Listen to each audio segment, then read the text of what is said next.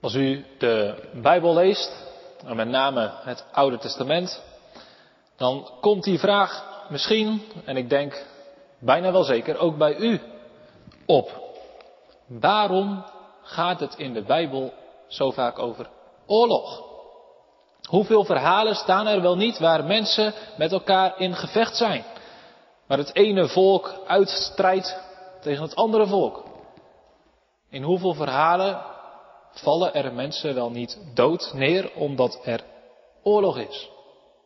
Waarom gaat het in de Bijbel zo vaak over oorlog? Die vraag moeten we denk ik ook iets breder trekken. Want niet alleen in de Bijbel gaat het vaak over oorlog, ook in het nieuws. In de wereld worden heel wat oorlogen gevoerd. Op Wikipedia is er een lijst te vinden van alle oorlogen die er plaats hebben gevonden. En uit die lijst blijkt dat sinds de Tweede Wereldoorlog er meer dan 100 oorlogen zijn gevoerd in deze wereld. Meer dan 100 oorlogen. Alleen al sinds de Tweede Wereldoorlog. Het lijkt erop dat er geen moment is in de geschiedenis waar er niet ergens oorlog wordt gevoerd. Hoe komt dat? Waarom gaat het in de Bijbel zo vaak over oorlog? En waarom bewijst de wereldgeschiedenis dat mensen de neiging hebben om met elkaar te strijden, om met elkaar in gevecht te raken? Het antwoord hierop vinden we zeker in de Bijbel en wel vrij in het begin, in Genesis 3. Genesis 3 is het hoofdstuk van de zondeval. Waar begon het allemaal mee? Wat was de eerste, de oerzonde? Nou, sommige mensen zeggen dat was ongeloof. Mensen gingen twijfelen aan God, aan zijn goedheid. Heeft God wel gezegd? Heeft God wel het goede met jullie voor? En uit dat ongeloof zijn alle andere zonden voortgekomen. Anderen zeggen, nee, de oerzonde is hoogmoed. Want het was de vraag, het was het verlangen van de mens om als God zijn. Mensen wilden net als God zijn. Dat was hoogmoed. En dat leidde tot de zondeval. En uit die hoogmoed, uit die trots van de mensen komen alle andere zonden voort. En alle andere problemen. Zoals ook oorlog. Ongetwijfeld behoren hoogmoed en afgunst tot een van de belangrijkste redenen waarom er oorlog is. Mensen willen meer macht. Mensen willen meer eer. Mensen willen een groter koninkrijk. Mensen willen belangrijker zijn. En daarom wordt er in het groot, maar ik denk ook in het klein, veel gevochten en gestreden. We hoeven niet alleen aan oorlogen te denken. Misschien hebben jullie jongeren wel te maken gehad, of nog steeds, met pesten. Dat is eigenlijk heel vergelijkbaar. Dat iemand belangrijker en meer wil zijn ten koste van iemand anders. Er wordt gestreden omdat mensen zich laten leiden door hoogmoed, door de zonde. Dat is de eerste reden. Genesis 3 geeft nog een tweede reden. De zondeval heeft alles te maken met de duivel.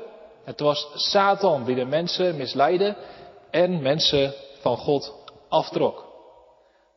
En dat lukte de duivel. En sinds dat moment zijn wij als mensen gekomen onder de macht van de duivel. De duivel is de baas geworden in deze wereld. Dat zegt Jezus ook in het Nieuw Testament. Dat de duivel de overste van deze wereld is. En dat is niet zo fijn. Dat is niet goed voor deze wereld. Want die duivel is een leugenaar. En die duivel is een mensenmoordenaar vanaf het begin, zegt Jezus. De duivel heeft er plezier in als mensen met elkaar vechten. De duivel heeft er plezier in als mensen gedood worden. De duivel heeft er plezier in als relaties kapot gaan. En als er twist en ruzies worden gevoerd. En deze Bijbel, die is geschreven in deze wereld. In deze wereld waar de zonde is binnengetreden. In deze wereld waar de duivel ontzettend veel macht heeft. In die wereld is de Bijbel geschreven. En daarom gaat het in de Bijbel ook vaak over oorlog, over ruzies, over doodslag. We lezen daarom in de Bijbel van de moord van Abel. Kain slaat zijn eigen broer dood. Genesis 4. We lezen daarom in diezelfde Bijbel van een strijd tussen Esau en Jacob. Esau die wil Jacob doden. En Jacob heeft Esau bedrogen. Daarom lezen we van koning Saul die David probeert te doden. Daarom lezen we van koninkrijken die tegen elkaar opstaan en met elkaar in gevecht raken. Overal waar de machten van de zonde en de machten van de duivel aanwezig zijn, daar is strijd, daar is oorlog, daar vallen doden. Ook in de Bijbel. Wat dat betreft is er over oorlog weinig goeds te zeggen. Het is kwaad. Het is een kwaad wat overwonnen moet worden. De machten van de zonde en de macht van de duivel moeten verslagen worden. En dan zijn we precies bij de derde reden. Waarom het in de Bijbel zo vaak gaat over oorlog. Want in Genesis 3, vers 15 lezen we dat God een oorlog begint. God verklaart aan de duivel de oorlog. In Genesis 3, vers 15, een bekende tekst, lezen we dat God zegt tegen de duivel: Ik zal vijandschap teweeg brengen tussen u en de vrouw, en tussen uw nageslacht en haar nageslacht.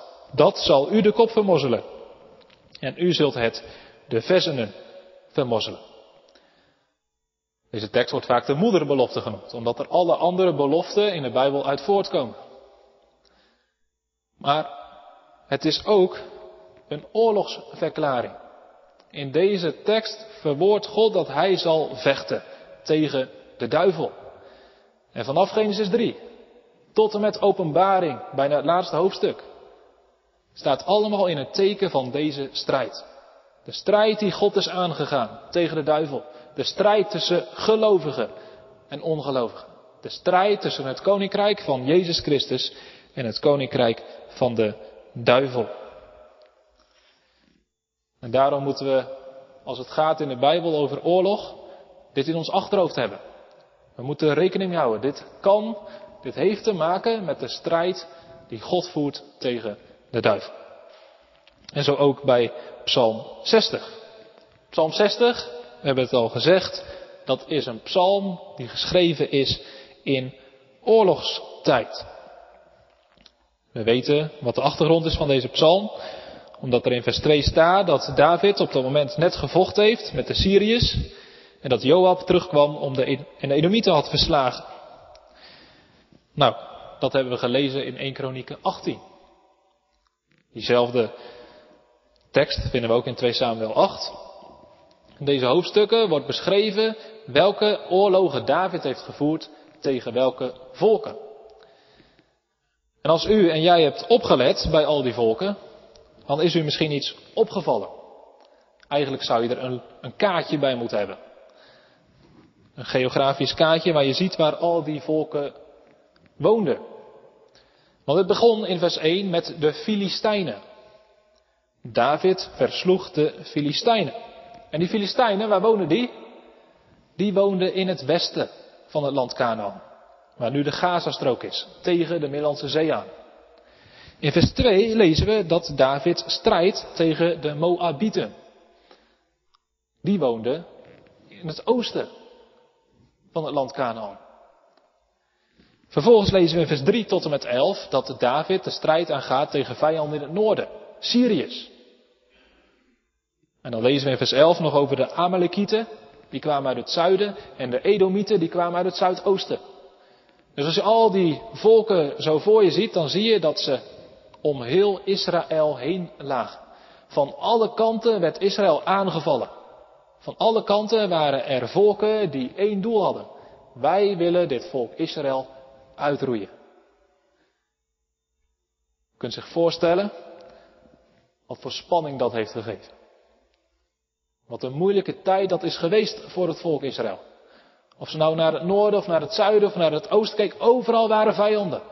Overal waren machtige legers. Legers die al vaak het land waren binnengedrongen. Legers die al vaak veel ellende en verwoesting hadden aangebracht. Toen David koning werd, werd, waren deze vijanden een grote bedreiging. David volgde, volgde koning Saul op. Koning Saul, dat weten jullie misschien wel kinderen, Die was veelbelovend. Het was een grote, sterke koning. Maar deze man had één probleem. Hij luisterde niet naar wat God zei. Hij ging zijn eigen gang. Hij was eigenwijs. Hij was ongehoorzaam. En toen heeft God hem als koning verworpen. En vanaf dat moment dat de geest van de heren van Saul afweek, ging het helemaal mis. Vijanden kwamen het land binden. Ze plunderden de oogsten. Onderling werden de Israëlieten verdeeld. Er kwam burgeroorlog. Veel oneenigheid. Veel ruzies. Het was een moeilijke en slechte tijd voor het volk. En die periode, die wordt beschreven in Psalm 60, vers 3 tot en met 5. Psalm 60, vers 3 en 5. Ik weet niet of u dat nog voor u heeft. Maar dan spreekt David over iets wat vroeger was, wat eerder was. O God, u had ons verstoten. Dat is verleden tijd. David blikt terug op de regering van koning Saul. En hij verwoordt daar hoe het volk eraan toe was. Ik zal die versen nog eens lezen. Psalm 60, vers 3 tot en met 5. O God, u had ons verstoten. U had ons verbroken. U bent toornig geweest. U hebt het land doen beven. U hebt het gespleten. Genees zijn breuken, want het wankelt. U hebt uw volk een harde zaak doen zien. U hebt ons bedwelmende wijn laten drinken. Wat staat hier nou precies? Wat was die situatie?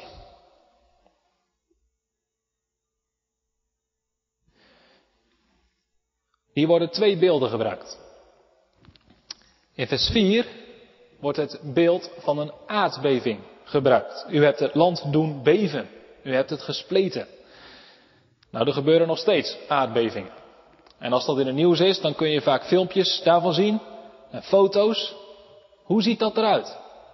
Hoe ziet een stad eruit waar net een aardbeving is geweest? Nou, dat is één grote chaos. Gebouwen die zijn ingestort. Mensen die wanhopig rondrennen en zoeken naar mensen die onder het puin liggen. Spullen die zijn kwijtgeraakt. Dat was de situatie van het volk. Verwoesting en verwarring. Vers 5 gebruikt een ander beeld. U heeft ons bedwelmende wijn laten drinken. Nou, als je te veel alcohol drinkt, ik hoop niet dat je het weet uit ervaring, maar dan kun je niet meer helder nadenken. En zo zegt het volk, we hebben sterke wijn moeten drinken. Niet letterlijk, maar die periode van Sauls regering, dat gaf zoveel problemen, zoveel vijanden. We wisten ons geen raad meer, we konden niet meer bedenken wat we moesten doen. Dat was de situatie van het volk tijdens de regering van Saul. Maar nu valt u misschien nog iets op, want David die zegt niet, Saul heeft dit gedaan. Saul heeft het land in de vernieling geholpen. Saul heeft ervoor gezorgd dat het land een verwoesting en verwarring is. Nee, jij zegt, God, u had ons verstoten. U had ons verbroken. Dat is opvallend, vindt u niet? David die ziet achter die ellendige regering van koning Saul, ziet hij het oordeel van God. God heeft het volk overgegeven in de handen van de vijanden. God heeft het volk overgelaten in hun ellende. God heeft het volk gestraft. Achter heel veel problemen moeten wij ook dit erkennen. Dat de toren van God ons raakt.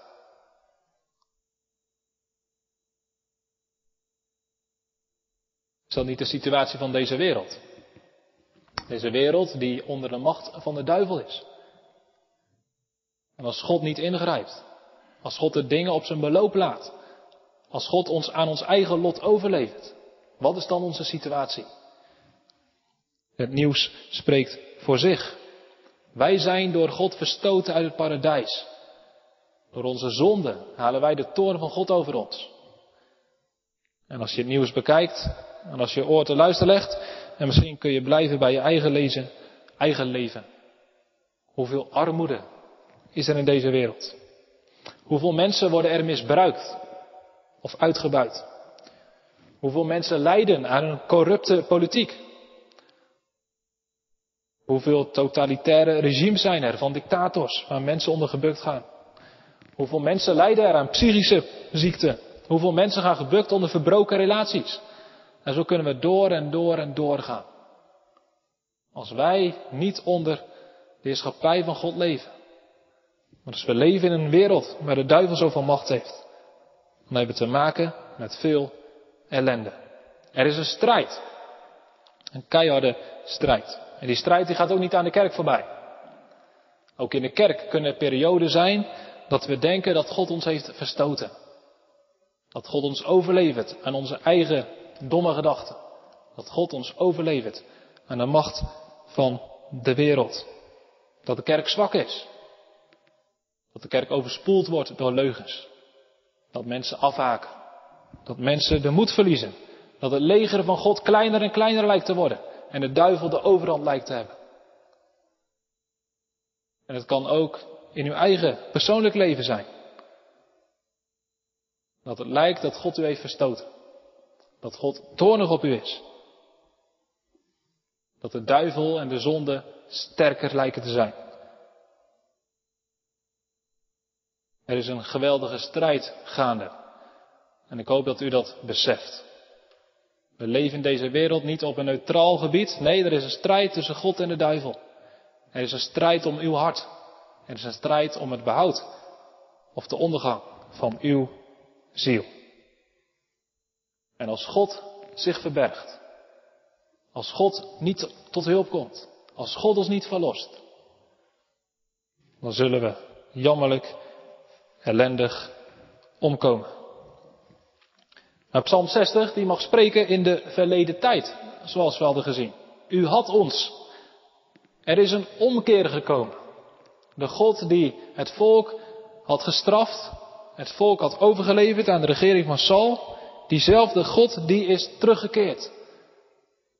Hij is teruggekeerd met verlossing, met hulp, met zegen.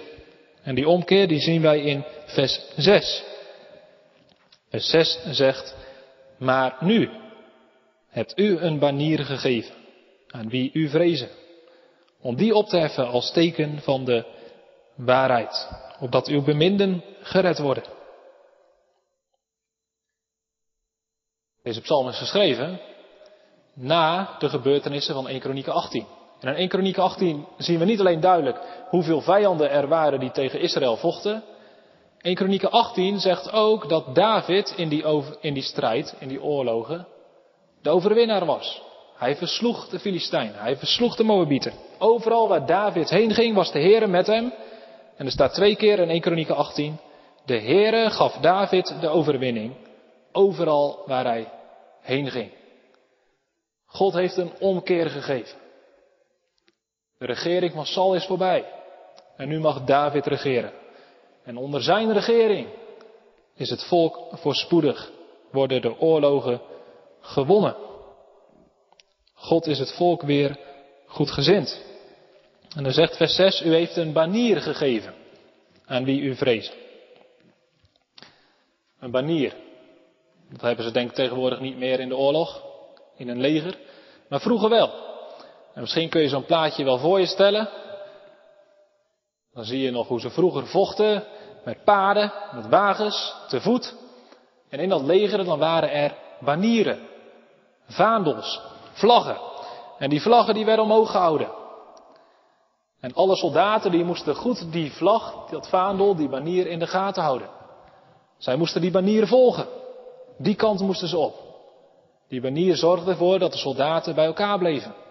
En zolang die vlag in de lucht werd gehouden, zolang die banier in de lucht zat, was er de hoop op overwinning.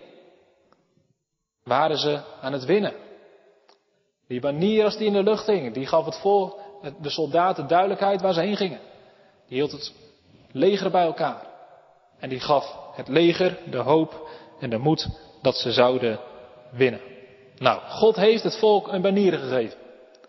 En dat is natuurlijk niet letterlijk. God heeft niet letterlijk een vlag uit de hemel laten vallen.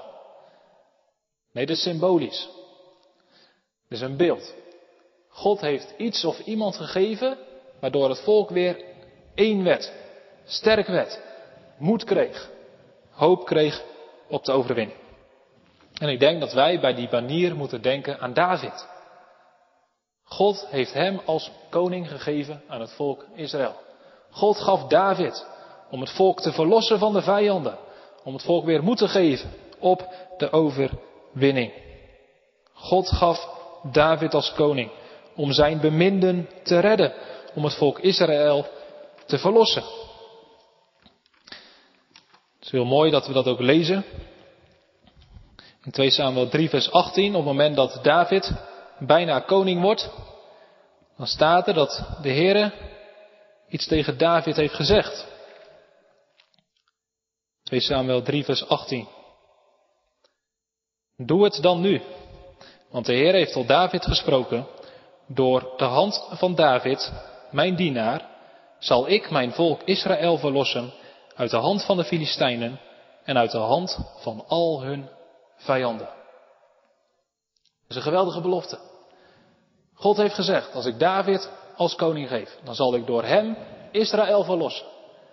En door hem zal ik overwinning geven over alle vijanden. En ik denk dat er in vers 8 wordt verwezen naar deze woorden. God heeft gesproken. God heeft gesproken in zijn heiligdom. Sommige vertalers zeggen dat moet je anders lezen. God heeft gesproken in zijn heiligheid. Zoals ook Psalm 89 dat zegt. God heeft gezworen bij zijn eigen heiligheid. God heeft bij zichzelf gezworen. Bij zijn karakter. God is betrouwbaar. God houdt zich aan zijn woord. En als God iets zegt, dan doet hij het. God heeft gesproken. Ik zal David als koning geven. En door hem zal ik Israël verlossen. En hij zal de vijanden verslaan. En David heeft die woorden gehoord. En geloofd. En daarom zegt hij in de tweede regel van vers 8. Daarom zal ik van vreugde opspringen. Dit is machtig. David, u moet u voorstellen. Je wordt koning in een tijd dat er machtige vijanden het koninkrijk omringen. Er is dreiging van alle kanten. En jij bent de koning. Hoe ga je het volk daaruit redden? Hoe ga je dat volk verlossen? Dat is eigenlijk onmogelijk. Maar je hebt een belofte gekregen van God. God heeft gezegd, ik ga jou helpen. Ik ga ervoor zorgen dat je de overwinning behaalt. En David heeft dat geloofd. En hij sprong van vreugde op. En hij keek niet naar die machtige legers die Israël omringden. Hij keek niet naar aantallen. Hij keek alleen naar God. En God had hem de overwinning beloofd. En daarom geloofde David. Ik zal de overwinning over hen behalen. Ik hoop dat u dit herkent. Dat als u het woord van God leest, dat u beloften tegenkomt. En er staat in het Nieuwe Testament dat alle beloften in heel de Bijbel ja en amen zijn in Christus Jezus. Als u in Jezus Christus bent, als u met Hem verbonden bent door het geloof, als Hij uw zaligmaker, uw koning is, zijn alle beloften in heel de Bijbel voor u en voor jou. En dan leest u de belofte. Dat God zegt, ik zal al uw zonden vergeven. En dan spring je op van vreugde. Dan belooft God, ik zal je aannemen tot mijn kind. Dan spring je op van vreugde. Dan zegt God, ik beloof je het eeuwige leven. Dan spring je op van vreugde. God belooft volkomen verlossing. God belooft de overwinning. En ook al zijn de omstandigheden tegenovergestelde. Ook al zitten we in moeilijke tijden. Ook al lijkt alles zich tegen ons te keren. Wie zich vastklampt aan de belofte van God. Die kan in elke situatie van vreugde opspringen. En dan zegt David, alles wat God heeft beloofd, al die gebieden, die zal ik onder mij krijgen. In vers 8 tot en met 10 worden heel veel gebieden en regio's genoemd. Sichem, Sukkot, Gilead, Manasse, Ephraim, Juda, Moab, Edom en Filistea. Die eerste namen die genoemd worden, in vers 8 en 9, dat zijn gebieden binnen Israël. Toen David koning werd, was hij in eerste instantie alleen maar koning over Juda. Eén stam. De andere stammen, die waren of nog in bezit van vijanden, of in het bezit van de koning, de zoon van koning Sal. Maar God had gezegd, ik zal je koning maken over heel Israël. Dus David weet, ook die stammen die aan de andere kant van de Jordaan liggen, ook die stammen in het noorden, ze zullen allemaal mijn eigendom zijn. Gilead is van mij. Manasse is van mij. En in vers 10 worden de volken om Israël heen genoemd. Die volken die we ook tegenkwamen in 1 Kronieken 18. Moab, dat volk in het oosten. Nou zegt David, dat is nu een bedreiging. Ze vallen het volk binnen, ze plunderen oogsten. Maar het zal mijn waskom zijn. Opnieuw een beeld. Een waskom. Dan moet je denken aan een bak water waar vroeger de voeten in werden gewassen. Moab zal voor mij zijn als een kom met water waar ik mijn voeten in kan wassen. Nou, voeten wassen, dat was een taak van slaven. Dat was een nederig werk. Een dienstbaar werk. Wat David hier zegt is niks anders dan de Moabieten zullen mij tot slaven zijn. En datzelfde geldt voor de Edomieten. Want, vers 10, op Edom zal ik mijn schoen werpen. Ook een gekke uitdrukking. Maar dat uittrekken en aandoen van schoenen, het poetsen van de schoenen, dat was ook een taak van slaven. Dus David weet, God heeft mij de overwinning beloofd. Over al deze vijanden. En ik zal ze onderwerpen. Op het moment dat David dit schrijft, heeft hij ten dele dit al gekregen. Sommige gebieden horen hem al toe. Sommige vijanden heeft hij al verslagen. Maar David heeft nog niet de volledige overwinning behaald. De regering van David, dat was natuurlijk geweldig voor het volk Israël. Want op het moment dat David de overwinning behaalt, mag ook het volk delen in die overwinning. Maar betekent dit dat het volk van David alles mocht verwachten? Betekent dit dat David hun redder kon zijn? Was David nou diegene die in Genesis 3 was beloofd als degene die de kop van de duivel zou vermozzelen? Nou, we weten dat David dat niet is geworden. David is een type van iemand anders. David is een type van de Heer Jezus Christus. Wij zien in, het in David in het klein wat we mogen zien in het groot in de Heer Jezus Christus. David werd aan het volk Israël gegeven als een banier. Om het volk tijdelijke overwinningen te geven. Om ervoor te zorgen dat het volk niet uitgeroeid werd, maar die periode zou overleven. Maar hij is niet de zaligmaker. In Jesaja 10 wordt er een profetie gedaan. Daar zegt Jesaja over de komende Messias, want op die dag zal de wortel van Isaï er zijn. En dat is een verwijzing naar David, want David was een zoon van Izzy. De Messias. En hij zal staan als banier voor de volken. Naar hem zullen de heidevolken vragen, zijn rustplaats zal heerlijk zijn. Deze woorden van Jesaja 10 werden door Jezus gelezen toen hij in Nazareth was, zijn geboortedorp. In de synagoge werd hij, mocht hij uit de boekrol van Jesaja lezen. En Jezus las daar, de geest van de Heer is op mij. daar heeft hij ook dit gelezen, over die manier. En toen zei Jezus, heden, op dit moment zijn deze schriftwoorden in uw oren vervuld. Dit gaat over mij. Deze manier ben ik. Ik ben door God gegeven als een manier. Waarom?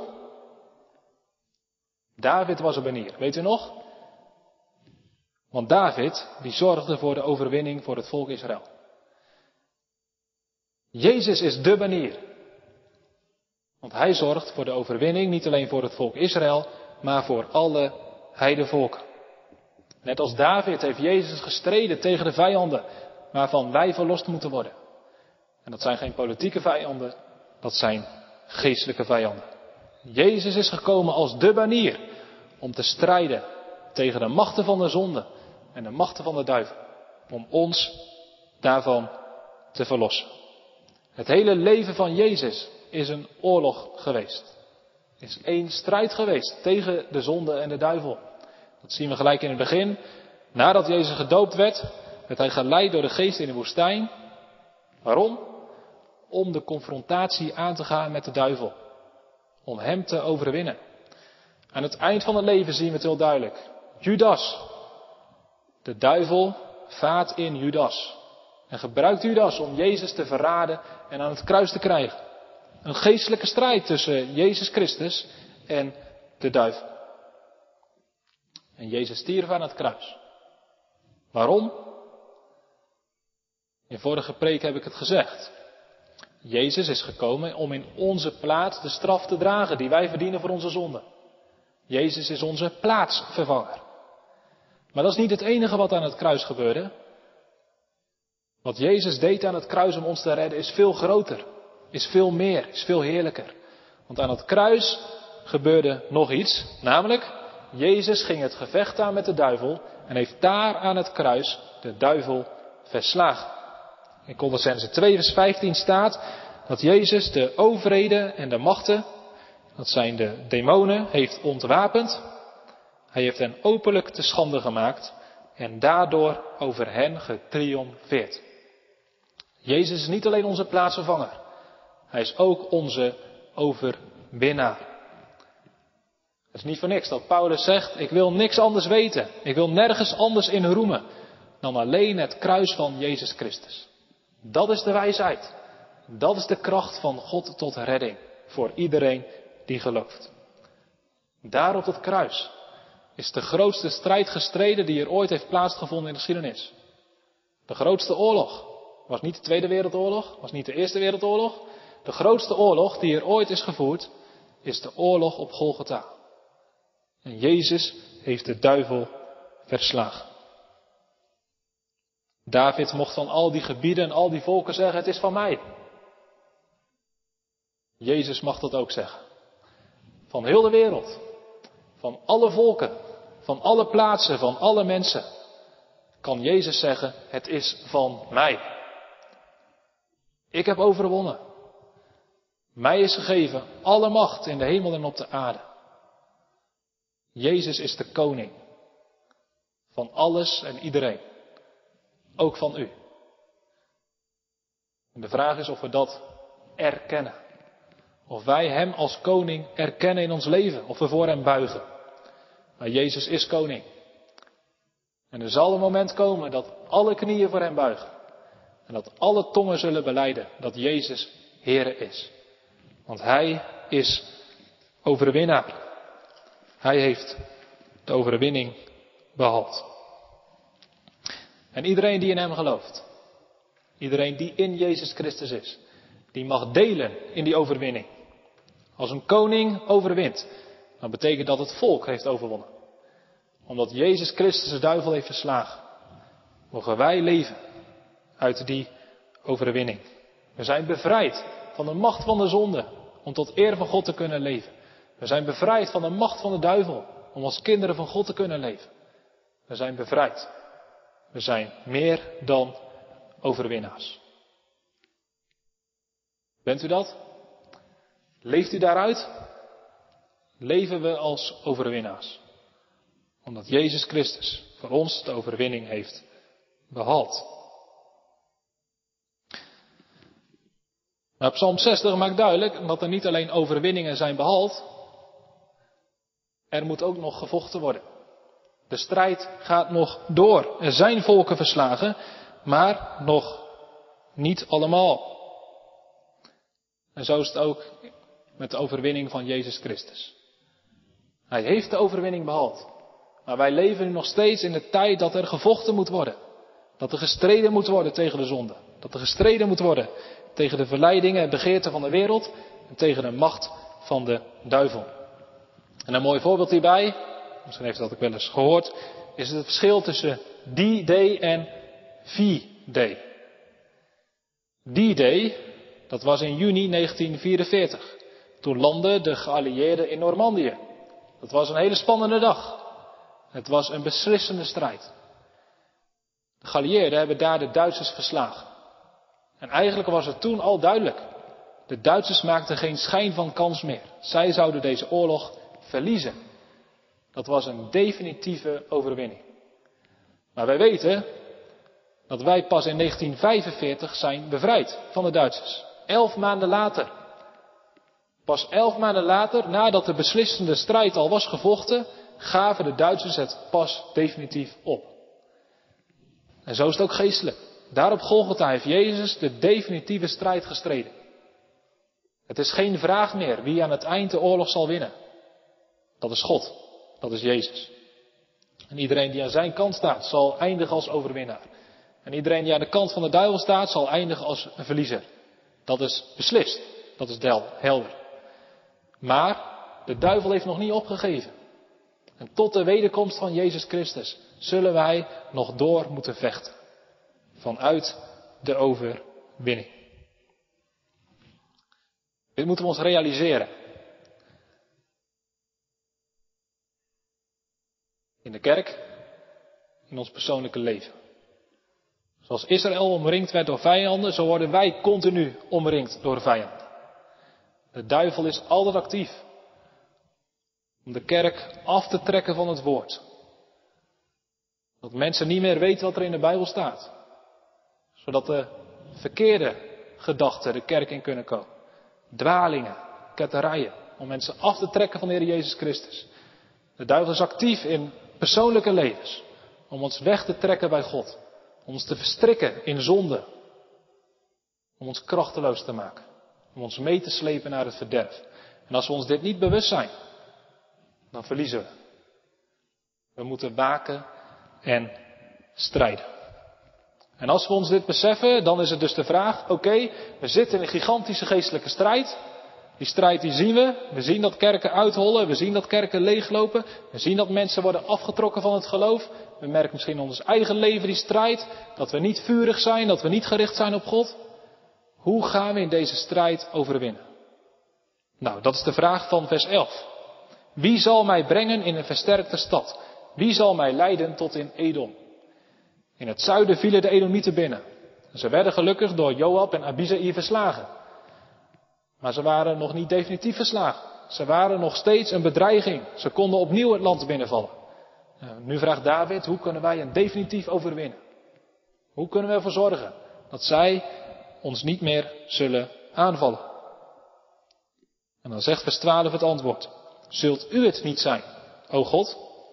U die ons verstoten had en niet met onze legers uittrok. O God? Dat is een retorische vraag. Het antwoord is duidelijk. Er kan maar één iemand overwinning geven. Dat is God zelf. En er is maar één iemand die ervoor kan zorgen dat de duivel en de zonde niet te sterk worden in ons leven. Dat die niet weer over ons gaan heersen. Dat kan alleen God. Er is maar één iemand die de kerk toekomst kan geven. Dat zijn niet de broeders van de kerkraad. Dat is niet een of andere charismatische predikant. Dat zijn geen. Bedenk het allemaal maar wat we kunnen doen om de kerk zijn voortgang te laten hebben. Er is maar één iemand die ervoor kan zorgen dat de kerk toekomst heeft. Die de duivel kan verslaan. Die de waarheid kan laten triomferen. Die mensen kan redden. En dat is God zelf. Geef u ons hulp uit de benauwdheid. Vers 13. Want hel van een mens te verwachten is nutteloos. Ik hoop dat u dat heeft ontdekt. Dat redding, dat zaligheid, dat overwinning van een mens te verwachten zinloos is, nutteloos is. Wie kan zichzelf redden? Wie is sterk genoeg om zich te bevrijden uit de macht van de duivel en de zonde? Ik niet. En u ook niet. En iemand anders ook niet. We kunnen elkaar niet verlossen. We moeten zien op God. En als we dat doen, dan kunnen de vijanden machtig zijn. Dan kunnen de vijanden talrijk zijn.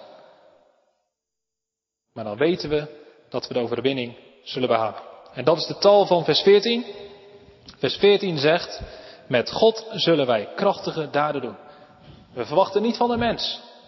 We verwachten niet van hele slimme mensen. We verwachten niet van heel veel mensen. Nee, we verwachten het van God alleen. En omdat we het van God verwachten, zullen wij krachtige daden doen. Hij zal onze tegenstanders vertrappen. Prachtig. Als wij het van God verwachten, dan zullen we eindigen als overwinnaars. Want God heeft een belofte gedaan. Met die belofte begon ik deze dienst, Romeinen 16. De God van de vrede zal de Satan spoedig onder uw voeten verpletteren. De duivel die rondgaat als een briesende leeuw. Wij hebben de strijd niet tegen mensen. Niet tegen vlees en bloed. Wij hebben de strijd tegen de machten en de overheden, de geestelijke boosheden in de lucht. Tegen de duivel zelf. En wij moeten vechten. Niet slapen, niet sluimeren, niet lauw zijn, niet traag zijn. Nee, we moeten vurig zijn, waakzaam zijn, staan zijn. De wapenrusting hanteren. Maar niet met de vraag, zullen we het wel redden? Zijn wij wel in staat om stand te houden? Nee, we mogen strijden vanuit de belofte. God heeft beloofd dat Hij de overwinning zal geven.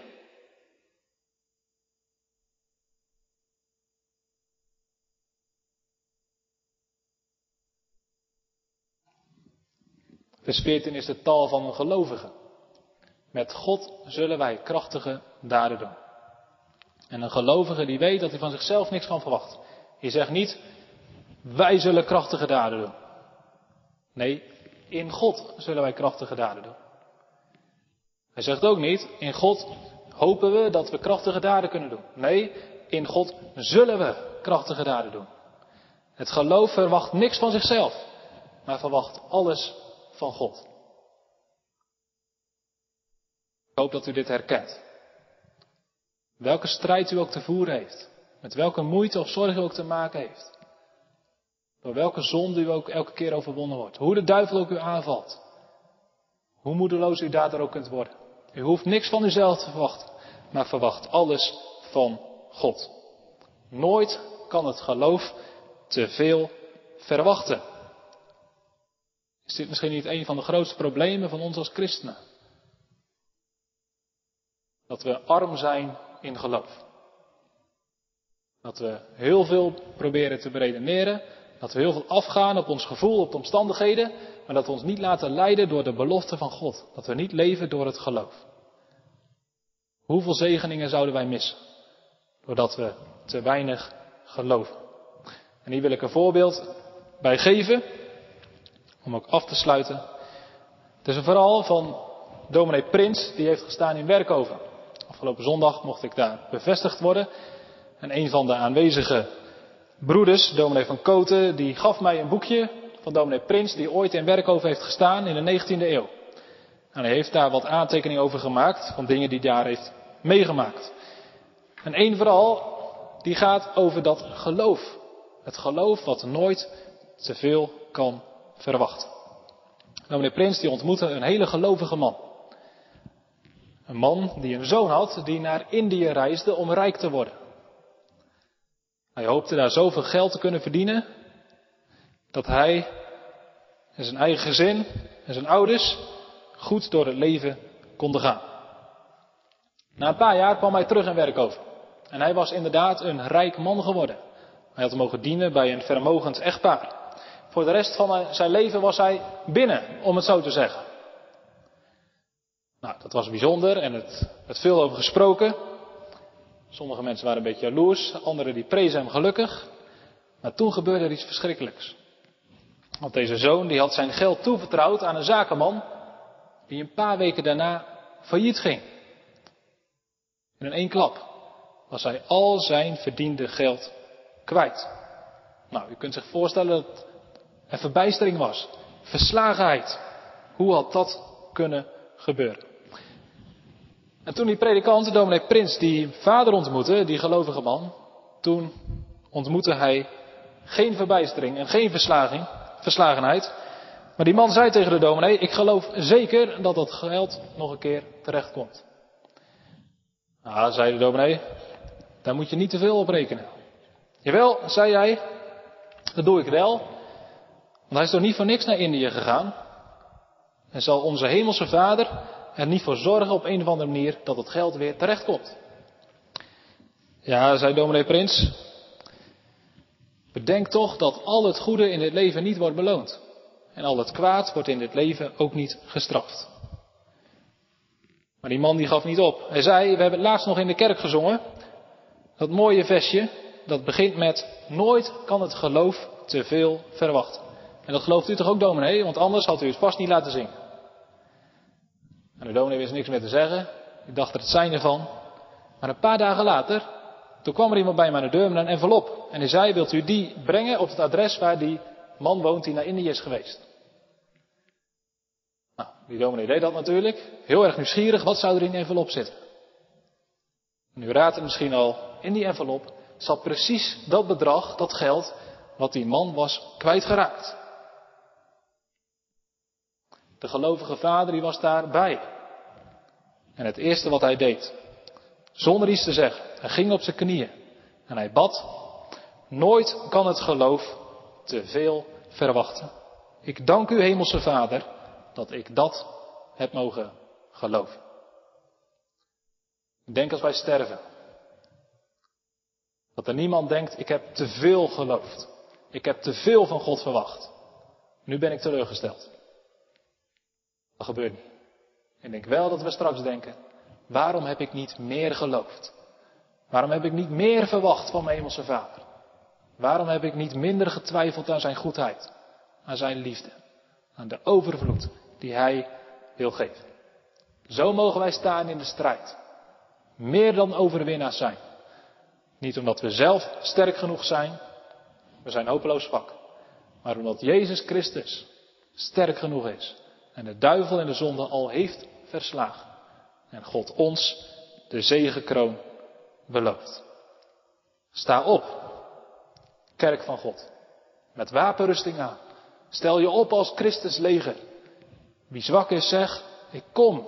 En word sterk in de kracht die God wil geven. Dit is geen oproep om het kapitool te bestormen. Wij hoeven niet te vechten met vleeselijke wapens. Wij mogen strijden met geestelijke wapens. Door woord en door gebed. Zodat mensen gered worden. Zodat gelovigen leven. Tot eer en glorie van onze God en Vader in de hemel. Amen.